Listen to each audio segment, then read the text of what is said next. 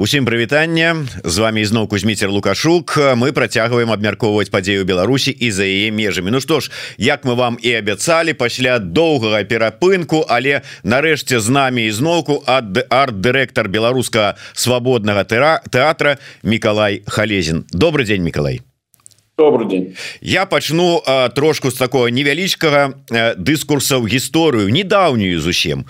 24 студзеня бягучага года 24 у вінзарскім замку з рук прынцесы Анны Миколай Халезін атрымаў свой першы орден брытанскай імперыі. Ну я правильно сказал это ж першы орден Ну а то что будуць яшчэ наступныя мы как бы не сумняемся просто.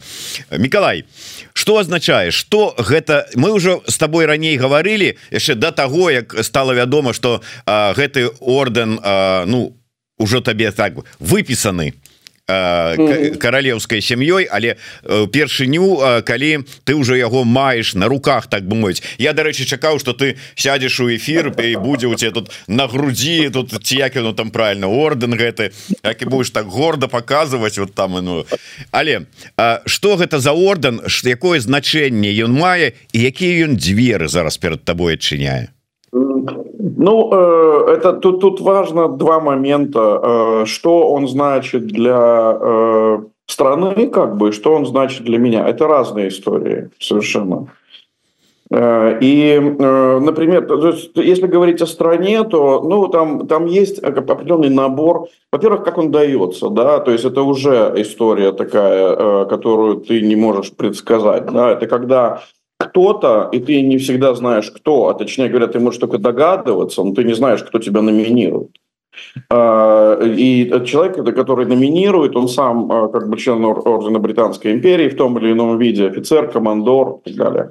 И э, он может э, написать ходатайство, и это ходатайство уйдет в правительство. Правительство рассмотрит это и передаст э, свои, свои решения, то есть это, это проверки, очень много проверок, проверка твоей деятельности, за которую тебя награждают, твоей репутации, твоих поступков в жизни и так далее.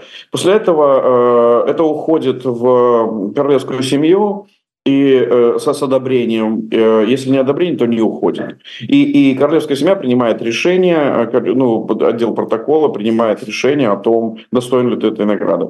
Это такая многоступенчатая история, и вот эта вся год целый, эта часть длилась без нашего вообще присутствия, мы ничего не знали. То есть это для нас это был сюрприз. Просто ты открываешь э, почтовый ящик, почтовом ящике лежит письмо, которое, в котором написано сверху э, Her Majesty, да, то есть как бы ее величество. Потому что ее величество это был последний указ, который она подписала, э, который в котором она одобрила э, эти награждения. А, соответственно, для короля это был первый, э, первый э, э протокол, который он подписал э, по вручению. И, и в итоге получается, что ты как бы, вот тебе как снег на голову упал, э, и ты это получаешь. Что, что за этим следует? Ну, первое, у тебя за, после твоей фамилии, после имени и фамилии во всех документах пишется, э, там, в моем случае и в Наташином случае это MBE, это Member of British Empire. Э, у командоров пишется C, первая буква у офицеров O, и так далее. А, и после этого ты, э, ну, первое, тебя приглашают сразу на, на какие-то королевские мероприятия. Это, это регулярные встречи, э, это большое стечение людей, э, встречи членов Ордена Британской империи в разных, там, это может быть где-то в парке, где официальный прием, допустим, летом, и собираются эти люди, общаются между собой.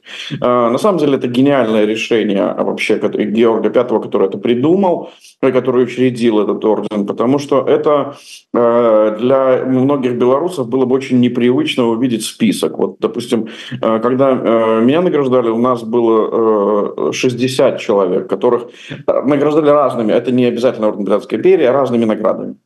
И из них было общественных деятелей, наверное, человек 5-6, чиновников, может быть, один-два, Э, и то в основном за организацию похорон Ее Величества. Э, людей искусства двое, То есть и, остальные это люди самых разных, э, самых разных профессий.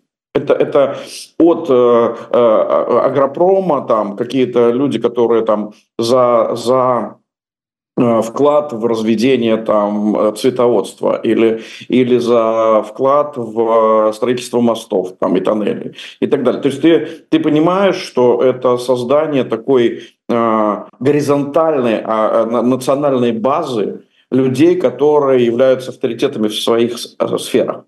И это, конечно, гениальное решение. Но оно тебе дает... Э, это не, не дает тебе никаких денег или крепостных крестьян. Тебе дает это, например, э, мы можем э, нас могут отпевать в храме святого Павла. Или, э, или там мы можем э, своих детей женить.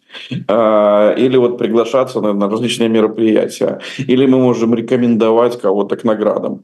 Или Конечно, в двери какие-то, когда ты стучишь, если после твоего имени стоит там MB или OB, то, конечно, реакция другая чуть-чуть. То есть она а, ты даже можешь обратиться к, так, к людям, которые были награждены также, и они будут в первую очередь, конечно, слушать, послушают, выслушают тебя. Неважно, какие там решения они примут, но, но по факту ты можешь достучаться.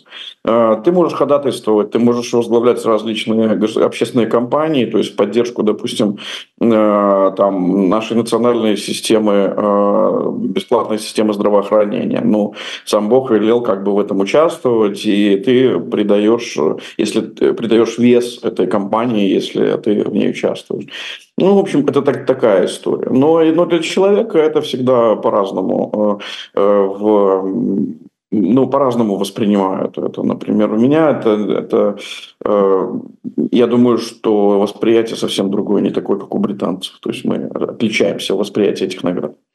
Я конечно не ведаю э, там усёй гэтай э, кухні як она прысуджаецца як это все працуе але мне падаецца что э, ситуация ваша увогуле как бы унікальная у тым сэнсе что абодвух членаў сям'і узнагародзілі гэтым э, орденам брытанскай імперыі і Миколая халезіна і э, яго жонку э, Наталью каляду. То есть вот атрымліваецца і один і другі годны чалавек і там не то что там как бы вот там Наталью узнагародзілі і уже прыцэпам ладно уже і Миколай пайшоў. Не один там как бы вот годны і вот сапраўды это унікальны выпадок Да это уникальный. Более того они даже не знали что мы семья то есть вот непосредственно в правительстве и в пределе протокола королевской семьи, они не знали, что мы семья, и поэтому нас даже разнесли по разным мероприятиям. Наташе вручали в Букингемском дворце в ноябре, а мне в январе уже в Винзоре.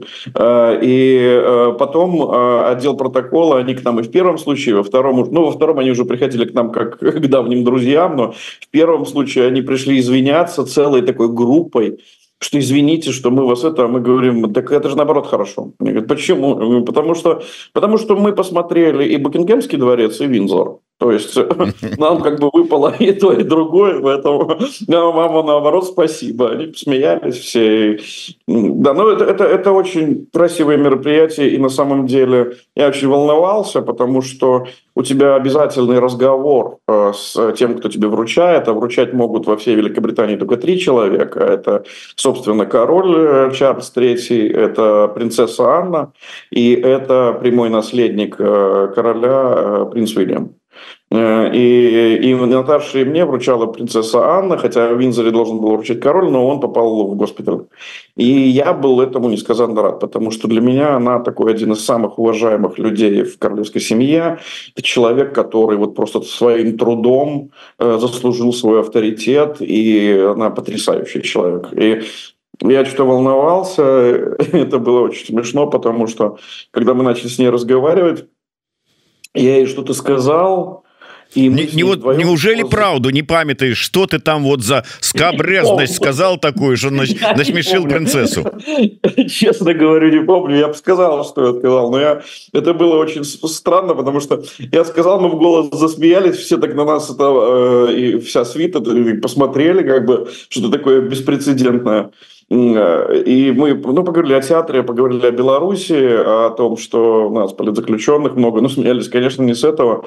А, и ее интересовало языки, которые мы используем в спектаклях, и э, ее как бы воодушевила вот эта история, что на белорусском языке все последние проекты идут. И она так оценила, что наряду с английским э, и белорусский язык э, как бы живет в театральной среде Великобритании.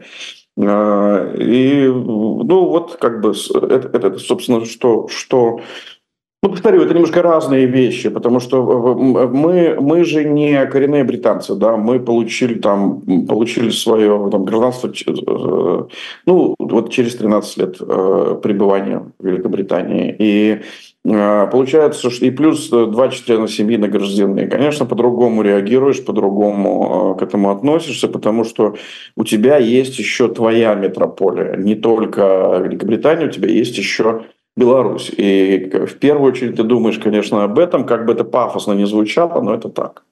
А дарэчы у сваёй метраполіі у сэнсе ў Беларусі ты маеш хоць нейкую ўзнагароду не не не не мне не нет никогда не не близко даже не это самое у меня только были Э, Станислав Шушкевич говорил, что я бы тебя чем-то наградил, но мне нечем. Это было. Мы так по-дружески смеялись. Я говорю, что ладно, тогда я что-нибудь найду, вас буду награждать. А, нет, мне как бы э, был очень смешной случай. Мне позвонили, спросили, а, одна из моих друзей, и она спросила, слушай, меня попросили узнать, если тебе дадут к столетию БНР медаль, ты ее возьмешь? Я говорю, ну, господи, это же юбилейная медаль. Я говорю, что это? Это не место, для, где я могу э, говорить там о каких-то там э, политических акциях, да, и привлечь внимание, отказаться и что-то что там задвинуть. Такое, говорю, не, я возьму, конечно, если, если дадут, то как память о столетии, ну да. Но не дали. недапрацоўка. Трэба трэба трэба спадарыне сурвілі нагадаць про это. А так уяві сабе ўсё ж таки два медаля ордена побач орден медаль БНР стагадовая і орден брытанской імперы нормально у Наташи конечно она больше у нас награждена чем я. У нее еще есть две медали госдепартамента за личное мужество еще в пору ее работы на американское правительство. Э, и я говорю, что если мы наденем все наши ординаты, мы можем 9 мая пойти по Трафальгарской площади с гвоздиками в руках. Это может быть очень смешно. Но, понимаешь, вот э, эм, Э, странная вещь. Э, люди воспринимают, э, как у меня многие очень спрашивали, очень и близкие люди, и не самые близкие, это, типа, что ты чувствуешь? Вот, вот, и это самый популярный вопрос за последние там вот несколько месяцев. Вот что ты чувствовал, что ты чувствуешь? И я начинаю объяснять, и мне больше половины людей не верят. Хотя я говорю вот совершенно честно. Э, э, у, у, Белорусского свободного театра у нас с Наташей там наград э, это ну, ВОЗ и тележка, да, то есть там начиная с э, Европа театру приза, там ОБИ, сам, э, одна из самых главных театральных наград Америки, там э, премия Вацлава Гавела, приз Freedom to Create британский и, и так далее. Это, я говорю, перечислять, не считая вот этих еще там за Эдинбургский фестиваль первый приз и так далее. А, и а, вот когда ты получаешь первый, я помню, первый мы получали приз Европы театру. Это, это приз, который, которым нас награждал президент э, Франции. И он был вручен впервые людям из искусства. И вот это было таким вот таким, вот таким, ну, таким тяжелым эмоционально, да, то есть ты такой понимаешь, что ты еще не соответствуешь, что ты, у тебя театр всего два года существует, и ты уже тебя так, так наградили. А последующая награда все полегче, полегче, а потом ты уже, то есть даже полчаса не радуешься, ты радуешься там какие-то мгновения и тут же об этом забываешь. И я понимаю почему, потому что сфера искусства, она не про э, награды. То есть она, если ты э, востребован, то тебе идут предложения, э, тебя встречают лимузином и провожают бизнес-классом. Но, но ты должен выдавать всегда продукт самого высокого качества. Если ты его не выдаешь, то на этом тебе никакие награды не помогут. То есть тогда ты можешь просто поставить их на камин, э, сесть, ноги в плед завернуть и ими любоваться. Но на самом деле э, искусство это про другое. А вот если говорить про этот орден, то э, мне, для меня он был важен как аргумент э, в спорах, которые идут бесконечно. Вот этот, э, мы даже сейчас программу с э, Володей Пугачем записали, мою кулинарную, на тему «Нужны ли белорусы миру?». Да? И, и вот я понимаю, что этот орден, он больше важен не, даже не для меня, а для белорусов. Потому что вот этот вот спор, мы, не, мы, мы там не нужны, он, он уже, честно говоря, вот поперек горла стоит. Потому что, э, ну вот, э, не нужны, не нужны, но вот двум белорусам дали орден э, Британской империи, да, одну из самых высоких наград Британии. Почему? Ну, потому что они вложили, сделали какой-то вклад своим трудом. И это белорусов, мне кажется, особенно сейчас, находящихся очень много в эмиграции, это может им помогать. Потому что, потому что важно осознавать, что миру нужны креативные, умные, порядочные профессионалы везде в мире, неважно где. И если ты такой, еще и с инновациями, то, то ты нужен. А если ты не такой, ну да, так ты и дома не нужен.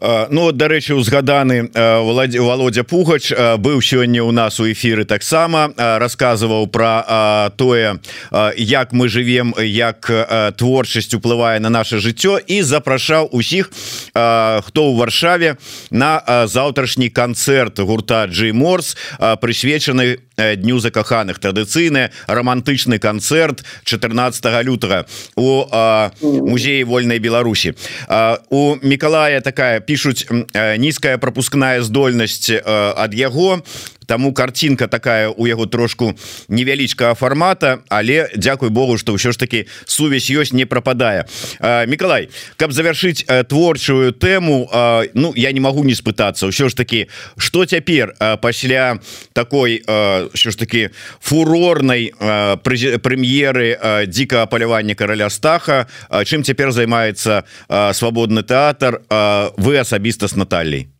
Значит, у нас есть э, долги по э, опере. Мы хотим ее показать. И у нас есть ряд городов, где нам это необходимо сделать. Это мы в первую очередь рассматриваем э, Варшаву, где очень много белорусов, и которым это нужно. И некоторые даже специально не смотрели по э, телевидению чтобы посмотреть вживую когда-то. Поэтому мы обязаны привести это в Варшаву. Это Нью-Йорк, где, где очень ждут этот спектакль, и мы там с разными залами согласовываем, когда это могло бы быть.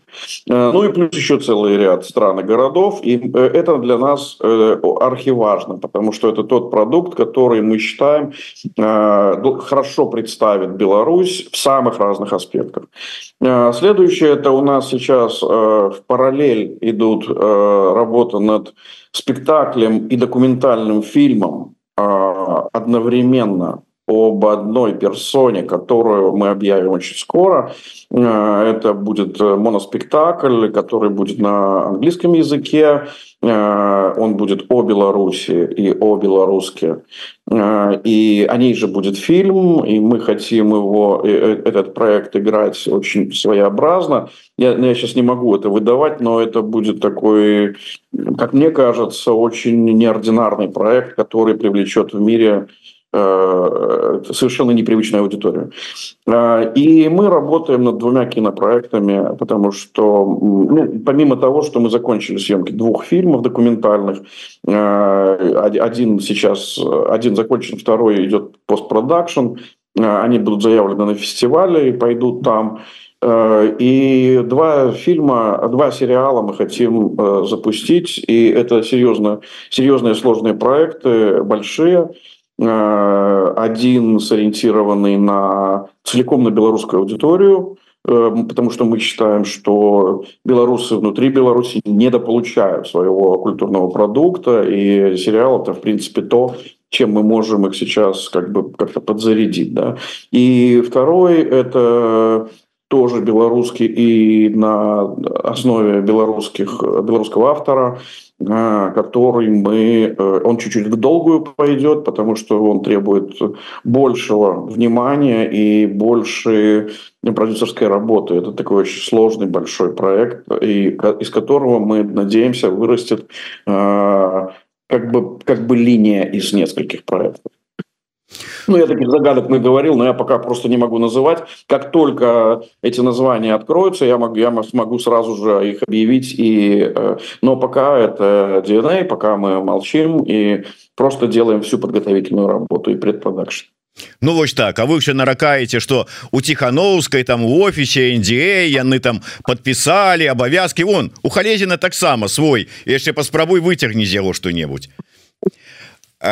Миколай давай поговорим трошечку на іншыя темы звязаныя с палітыкай каля палітыкай. І я б хотел для затраўки прости меня за тое что я гэта раблю але я хочу тебе показать невялічкі кавалачык сённяшняй нарады якую праводзіў лукашенко. Вот просто послухай про что там кажется образование никогда не было и не может быть вне политики. Вы не просто даете профессию вы формируете мировоззрение молодых людей Скажу прямо, вы первые отвечаете за национальную безопасность и несете ответственность за сохранение суверенитета страны. Если среди вас до сих пор работают люди, которые не разделяют наши подходы, нашу политику и государственную идеологию, если вы трудоустраиваете вчерашних шатателей режима, то какие выводы я должен делать о вас? Вопрос для размышления и принятия решения. Это ваших студентов, одурманенных западными ценностями, мы видели на площадях в 20-м. И многие смыслы, которые их вывели на улицу, были заложены, к сожалению, в ваших аудиториях. Или не в ваших и заложены не вами. Я думаю, вы меня услышали. Вось э, так э, ну как бы я так разумею занепакоіліся э, ідэалогіяй і выхаваннем моладзі лукашысты і я так разумею что свабодны тэатр ты у тым ліку мы у тым ліку сярод тых хто закладаў вось гэтыя думкі каштоўнасці у галовы моладзі беларускай якімі зараз так незадаволены лукашенко. І я вот хотел бы цябе як человека творча распытаться атрымаецца у нас перабіць вось гэтыя спробы лукашыстаў забіць галаву моладзі сваімі этими ідэалогіями лукашэнкаўскага режима Да, на самом деле, просто тут уже, знаешь, мы сколько мы на эту тему говорим, да, там 30 лет. То есть у него даже риторика поменялась. Если ты вспомнишь первый съезд учителей, э, его знаменитая цитата оттуда, это «Э, «потеряем учителя, капец, будем ходить пьяные и дурные». Э, это была одна из моих любимых цитат его. И, э, а сейчас это уже вот идеология, вы ответственные, душегубы там, и так далее. Но ну, это уже ну, деда пора пересаживать на гидроперидол, потому что, блин, это уже, э, уже стыдно это слушать, потому что э, любой молодой человек, неважно, неважно кто он, он все равно, ты, если ты ему включишь э, Э, фильм Беларусь фильма про войну или э, Индиану Джонс, он будет смотреть Индиану Джонса. Ну, ну ничего ты с этим не поделаешь. И если ему рассказывать что-то интересно, пусть даже и не вручая диплом, он будет это слушать с большим удовольствием, чем он будет слушать этих педагогов, которые рассказывают им про успехи Александра Лукашенко в экономике. Но это смешно на самом деле. Мы, понимаешь, уже, уже фаза, вот это пройдены все фазы, и возмущение, и вот принятие этой, этой, этой чуши, и, и, и смеха, вот уже все, уже просто смотришь, ну, патология. Ну, ну я, я могу просто, пусть э, вот он бы выставил своего э, Николая Александровича, как его называют, окружение Лукашенко, э, а я бы выставил свою младшую дочь. Я бы посмотрел, кто из них лучше разбирается в любой сфере, в любой вообще сфере, в любой. Хоть в экономике, хоть в политике. Да, может, на фортепиано она похуже играет, но э, все остальное просто до свидания. Потому что если ты обучаешься вот в этой постсоветской школе. И, мы же столкнулись с этим, прямо вот прям столкнулись в лоб, да, когда нам нужны были актеры, э, еще в начале там зарождения свободного театра. И мы попытались э, работать с актерами из государственной системы образования. И это было очень тяжело, очень тяжело. Мы понимали, что их надо переучивать, с ними надо что-то делать. И мы думаем, да зачем мы нам переучивать, если мы можем сразу их учить так, как хотим. Мы создали тогда школу Фортенбрас и начали готовить для себя актеров. Сейчас это актеры звезды, да, которые объехали мир, да, и которые как минимум там в 40-50 странах работали и, и, и получали великолепное ревью. А, потому что они воспитывались не так, как воспитывались, допустим, в Академии искусств, где тебе э, художнику рассказывают, что самое вольнодумие – это импрессионисты, но уже черный квадрат – там вашему сыну, да, и он тоже нарисует. И вот эту всю ересь, как бы, ее всю бесконечно гоняют, гоняют, гоняют и рассказывают, что нет, все-таки образование у нас хорошее, оно дает кругозор. Но, но э, это все история не про кругозор, а это все-таки история про профессию. И ту или иную э, творческую профессию ты должен все-таки осознавать мир. И если ты его смотришь на мир через призму идеологии, ни одно твое произведение никогда не окажется ни на одной престижной сцене. Просто никогда, потому что ты, у тебя искаженный взгляд, ты не понимаешь, как мир э, работает.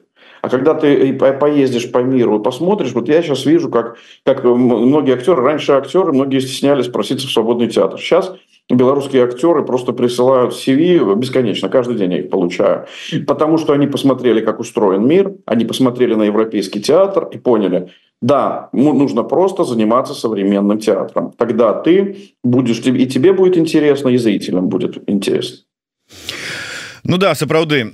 Вот я просто слухаў зараз лукашенко і про тое что ён рассказывае про тое что вот тут нас хотели каб мы нашу адукацыю якая ўзяла ўсё лепшае яшчэ з савецкай адукацыі каб мы ее там нешта перакруцілі змянілі но мы захавалі вот это вот все не пошли на поводу вы ж самі разумееце все а потым кажа вы то самое завалілі адукацыю вы рых рыхтуеце нікому не патрэбных э, спецыялістаў вас ніхто не хоча слухаць і ўсе хочуць ехаць за адукацыяй за мяжу. Так что вот, дзе якія там что логика вот, вот, вот, смотри человек э, первый же его посыл да первый он говорит мы должны взять лучше но это уже мы устали слушать да нужно взять все, все лучшее из советского из советского образования так вот советское образование. Э, там 37 год восславляют э, э, в Сталина. 53 год проклинают Сталина.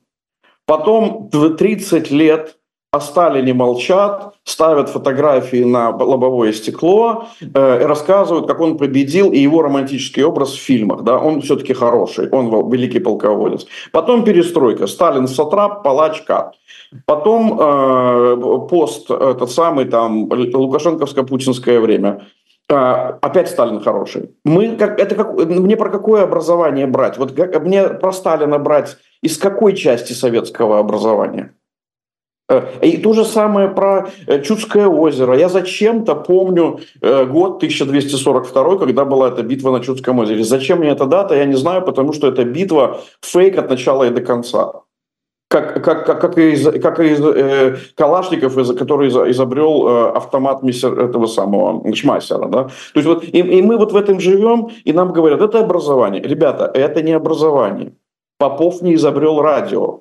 Иван Федоров не первопечатник и так далее. Да? То есть как бы э, просто, просто вот эти все мифы про Циолковского, который изобрел э, космос, небо и Млечный Путь, блин, это, это все утопические истории. Потому что это люди, которые пытаются, как обманывали нас в совке, начиная от начала до конца, так и сейчас хотят это продолжать. Но не получается, потому что мы открыты уже миру. Да? Уже Стивен Хокинг стоит на полке, и можно его почитать чтобы понять что циолковский был просто сумасшедший Ну да тут дастаткова паглядзець ўсё ж таки дзе нарадзіліся гэтыя а, так званыя рускія тры багатыра все чамусьці yeah. на украінскай земле нарадзіліся yeah. рускія багатыры але а, заканчиваючи гэтую так адукацыйную тэму.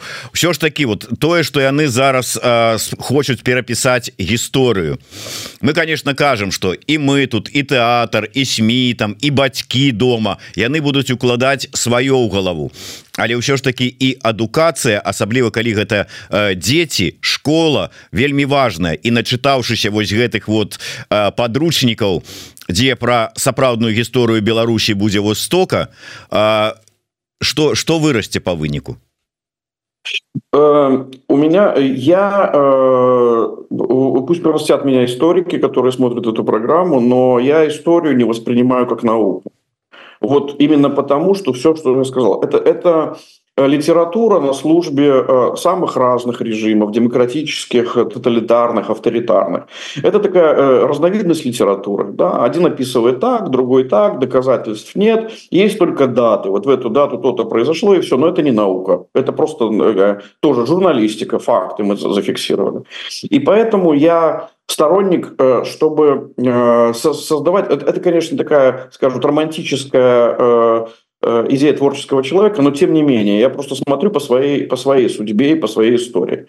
Э, первый раз я прочел э, «Дикое поливание короля Стаха» на русском языке.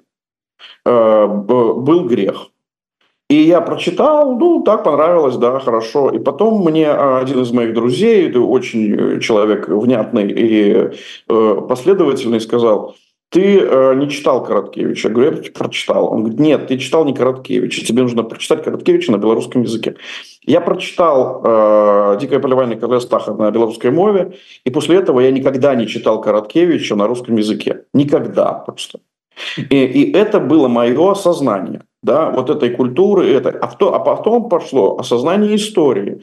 И оно продолжается через его произведение до сих пор. Я, я сейчас читаю э, э, «Дикое поливание», когда делал, когда делал либретто для оперы, и я читаю, и вот там эта история Светиловича, который, которого исключили из Киевского университета за то, что он читал стихи э, Шевченко э, публично, и у него э, этот, как бы, э, следователь спрашивает, а кто ты, откуда? И он говорит, пиши украинец.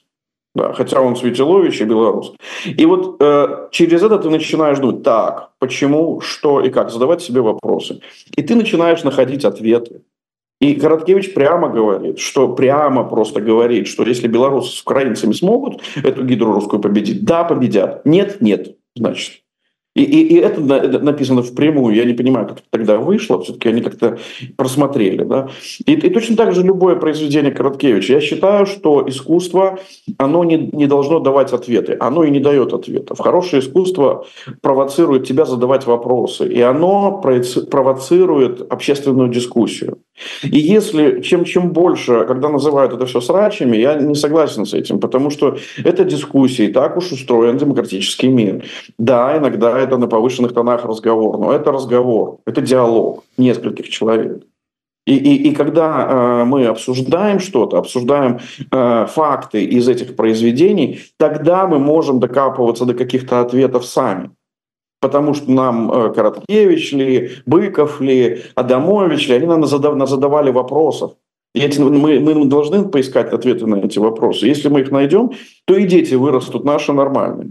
У меня нет претензий к моим дочерям по поводу их знаний э, истории или там, э, фактов ли из, из, из Беларуси. Точно так же, как когда-то мне друг э, э, всучил книжку Ермоловича, э, э, и я прочитал ее, и вдруг я, у меня как-то история сложилась в какую-то картину более-менее внятную. То есть я, я уже не задавал вопросов, что такое там Аршанская битва или а, что такое, кто такая Ефросинья Полоцкая, и вообще как, как расставил для себя какие-то приоритеты. И по этим приоритетам стал двигаться и пришел к э, независимой Беларуси. Хотя при мне разваливался совок, и мне было э, страшно от того, что за мной теперь не будет стоять эта огромная страна с атомными бомбами. А сейчас я думаю, господи, какое счастье, что этой страны не стало, хоть, хоть бомбы пока и остались.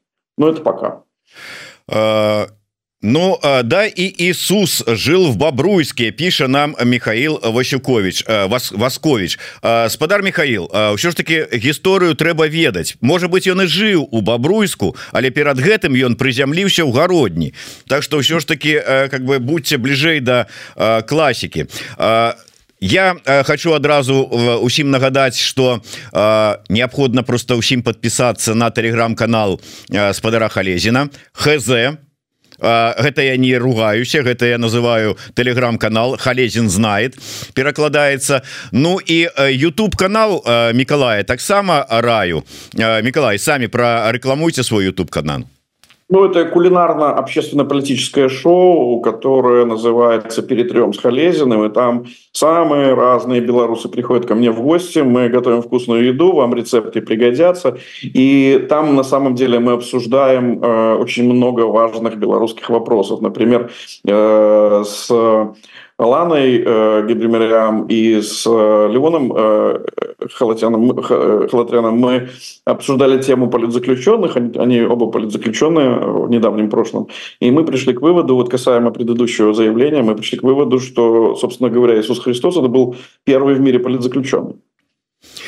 Ну вось Ну і безумоўна подпісаўшыся на YouTube канал ператром с халезіным я раю усім подпісацца на YouTube канал еврорады але не забывайте рабіць толькі ў тым выпадку калі гэта для вас бяспечна Миколай ты вот слово такое добрае прамовіў дыскусіі Як ты ставішся Як ты увогуле на чыім баку у дыскусіях адносна коаардынацыйнай рады і выбараў не выбараў якія там ўсё яны ніяк не могуць сабе арганізаваць і прапісаць сістэму у меня э, у меня в принципе вопрос э, вот эти прописывание системы да ведь на самом деле если мы вернемся к истокам создания координационного совета то в принципе он был создан как площадка где люди должны были э, представить не, не, некий состав людей которые выставили бы э, лукашенко предложение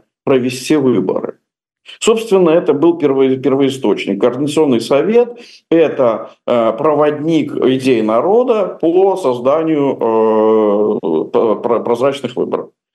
Но сейчас получилось, что это уже у нас не просто там э, некая переговорная площадка, некий, некий, некий коллектив людей, которые коллективно могут как бы высказать некий э, тренд, существующий внутри белорусского общества, а это уже какой-то протопарламент с какими-то фракциями. Это все сложнее и сложнее и сложнее. И у меня вопрос, этот протопарламент будет создавать законы, которые будут кем-то исполняться или никем не будут исполняться? И если э, это пока мне не интересно, вот, ну, вот просто как, как, как человеку, я себя чаще всего рассматриваю как аудиторию. Вот если, если мне интересно, я буду участвовать, я буду помогать, я буду все что угодно делать.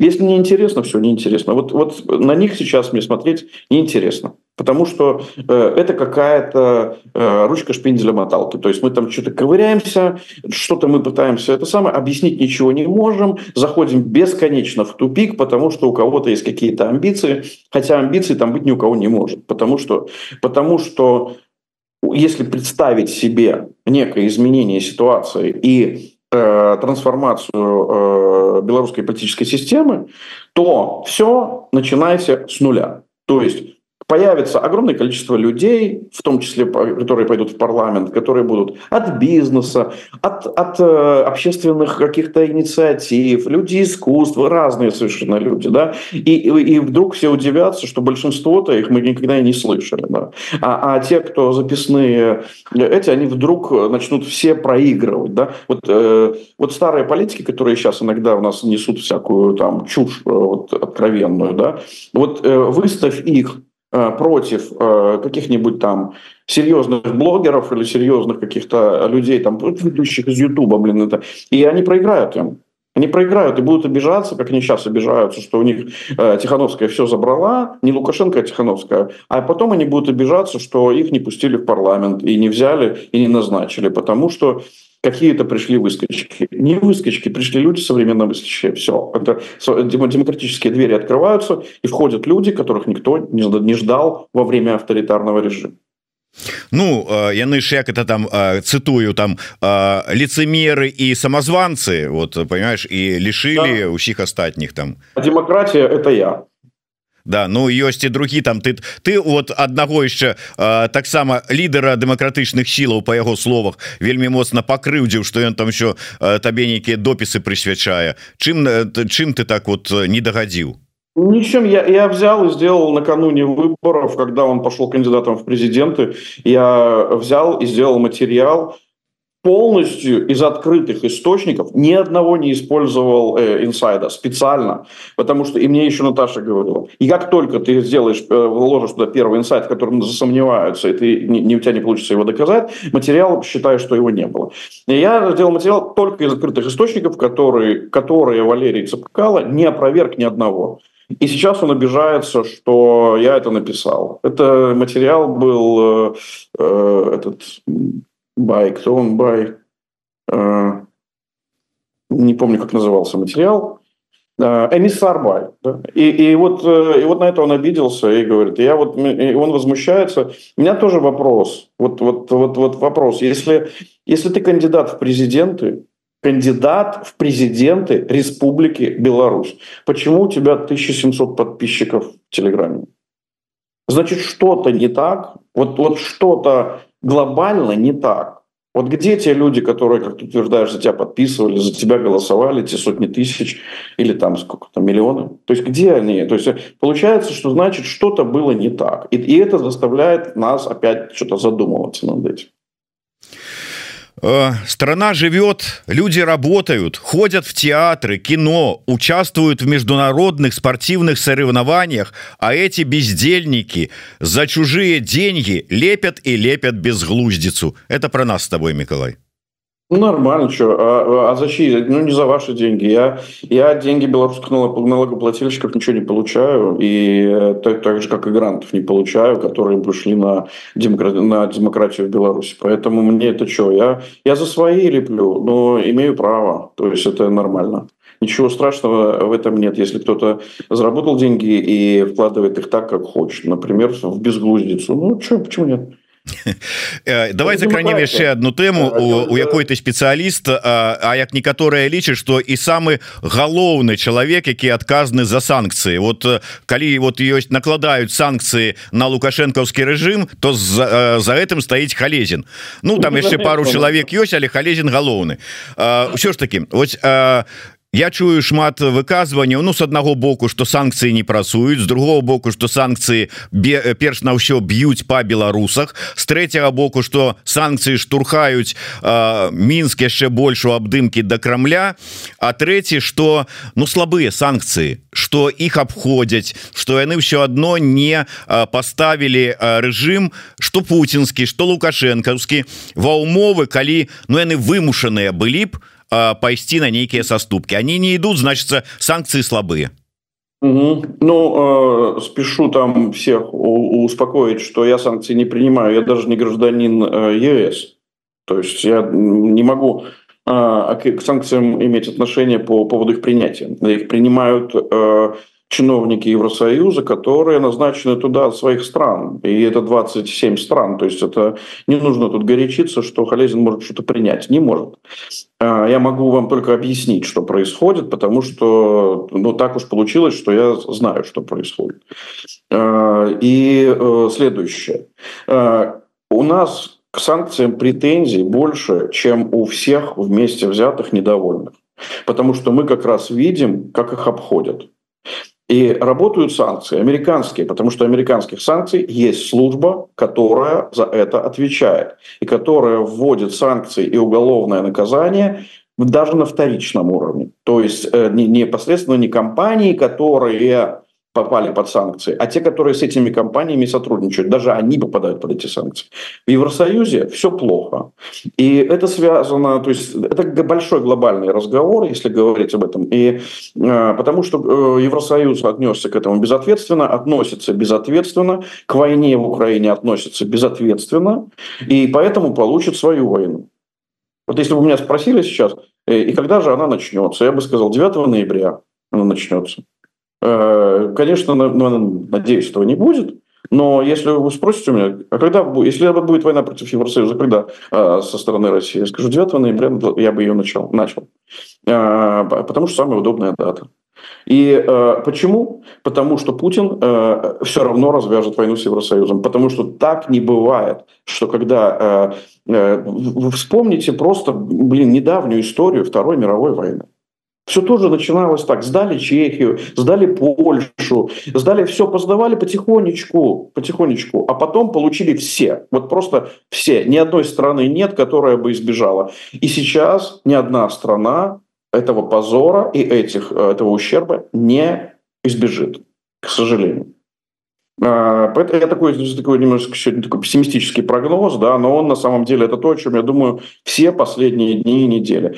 И в том числе в этом виноваты то, что санкции не были доведены до абсолюта, потому что Европа спустя рукава как относилась, как получала газ от России, как получала оттуда что-то, так и получает. Только раньше получала напрямую, теперь получает там через Турцию, через Азербайджан, через Казахстан, не через Казахстан, Савру, э, через Узбекистан и так далее. То есть Э, э, это все пороки нынешнего Евросоюза, потому что мы столкнулись с тем, что они всерьез не воспринимают эту войну, к сожалению. И все вот эти вот показные вещи, ну, может быть, Польша понимает, потому что у Польши там есть Сувалский коридор, э, и есть проблема, которую они видят реально своими глазами, да. Или эстонцы понимают, потому что они в процентном отношении больше всех помогают Украине из стран Балтии. А почему помогают? Потому что у них есть Нарва, и они понимают, что это точка входа для России. И вот, вот это, собственно, две страны, которые помогают. Всем остальным плевать. Они все понимают, что у них как бы все хорошо, все идет, все движется. Э, поэтому я про санкции, про Евросоюз, у меня хороших новостей нет и, и быть не может, потому что это какой-то позор. Вот, э, позор чиновников, которых поназначали и которые не умеют работать просто.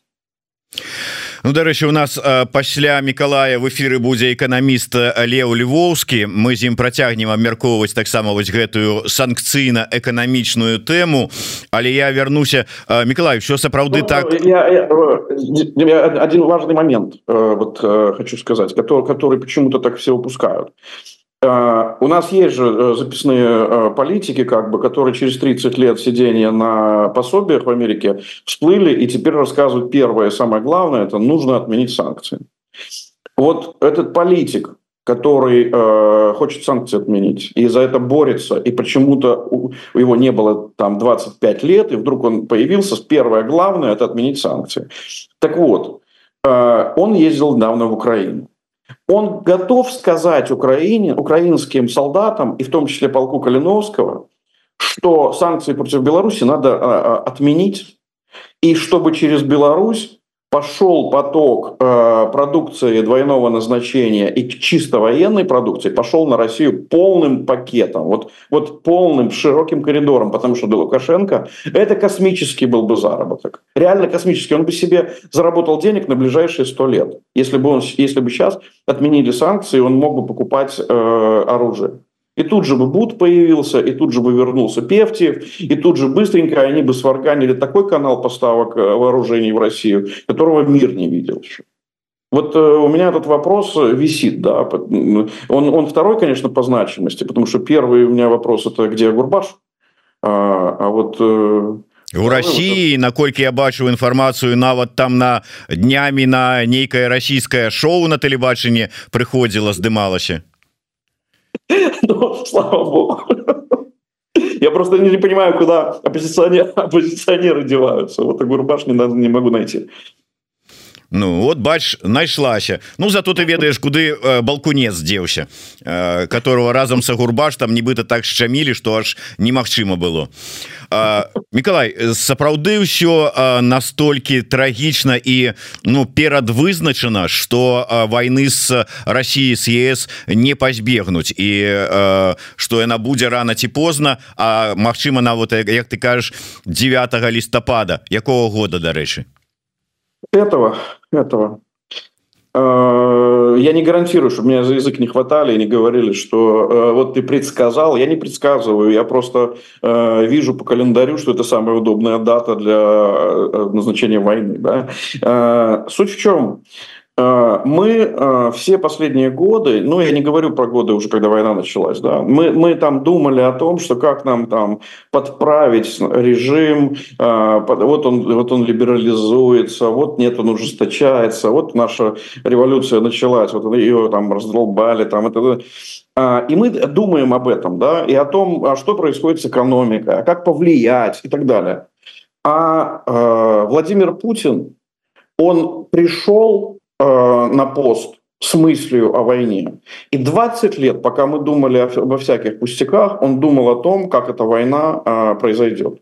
Сейчас у него самое время эту войну развивать дальше, потому что ресурсов у него хватает экономических. Э, он, он закрепился там на определенных рубежах в Украине. Теперь ему нужно, сейчас он выиграет выборы, и ему нужно, чтобы эта война длилась бесконечно длилось бесконечно, тогда он будет оставаться бесконечно у власти, бесспорно, потому что никто во время войны его менять не будет. Потому что э, мы знаем, как россиянам нравится эта война, и им даже плевать на то, что их там сотнями тысяч гибнут. Да.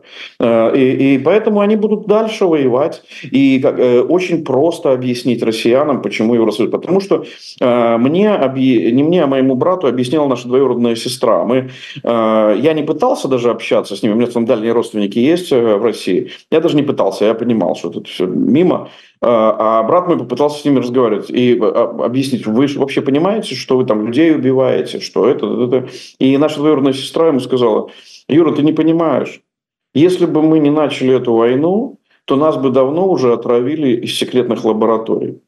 Сказал человек с высшим образованием э, просто вот э, по ходу дела. То есть какое отравили, кто, какие секреты, не имеет никакого значения. Просто, просто так устроено. Да? И если э, начнется война там с Польшей, это не применит э, НАТО э, ядерное вооружение. Не применит. И более того, я почему говорю про 9 ноября? Потому что 5 ноября выборы в Штатах.